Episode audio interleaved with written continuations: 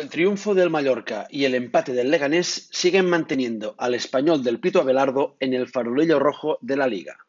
Pero lo cierto es que las sensaciones del equipo han cambiado por completo. Los periquitos han dejado de perder y han empezado a ganar y empatar ante equipos que, claro, están por encima en la clasificación. Ante equipos que, se supone, son mejores que ellos. Y digo que se supone porque ya no, ya no son mejores. La llegada de Raúl de Tomás en Barba y Cabrera, más el paso al frente de Dardé y la adaptación de Wooley, han convertido a los blanqueazules en uno de los equipos más en forma y peligrosos de la competición. El español ha aprovechado el mercado invernal para fichar talento, para mejorar al equipo. Que al, al fin y al cabo, eh, el mercado, sea el de verano o el de invierno, es para eso.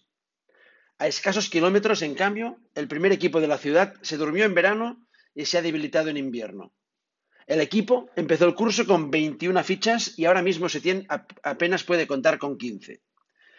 Ya es mala suerte que del club vaya saliendo gente que podía sumar y que, en cambio, el secretario técnico y el vicepresidente deportivo sigan ahí, restando, empobreciendo a club y equipo y reventándose el mayor legado que jamás tuvimos. Silbidos a sacar el balón jugado y a no dar continuidad a contras condenadas a romperte en dos cuando estás por delante en el marcador. La verdad, nunca imaginé que el Camp Nou sería peor con Guiris que con Sosis de puro y chuta burro. El Real Madrid recuperó la Copa de Baloncesto apalizando por 27 puntos en la final a Unicaja, que había derrotado en semis a Moraván Andorra por 33. Por suerte, la final no fue Madrid-Moraván-Andorra. El Manchester City es sancionado por saltarse el fair play financiero cuando Pep entrenaba al Bayern de Múnich.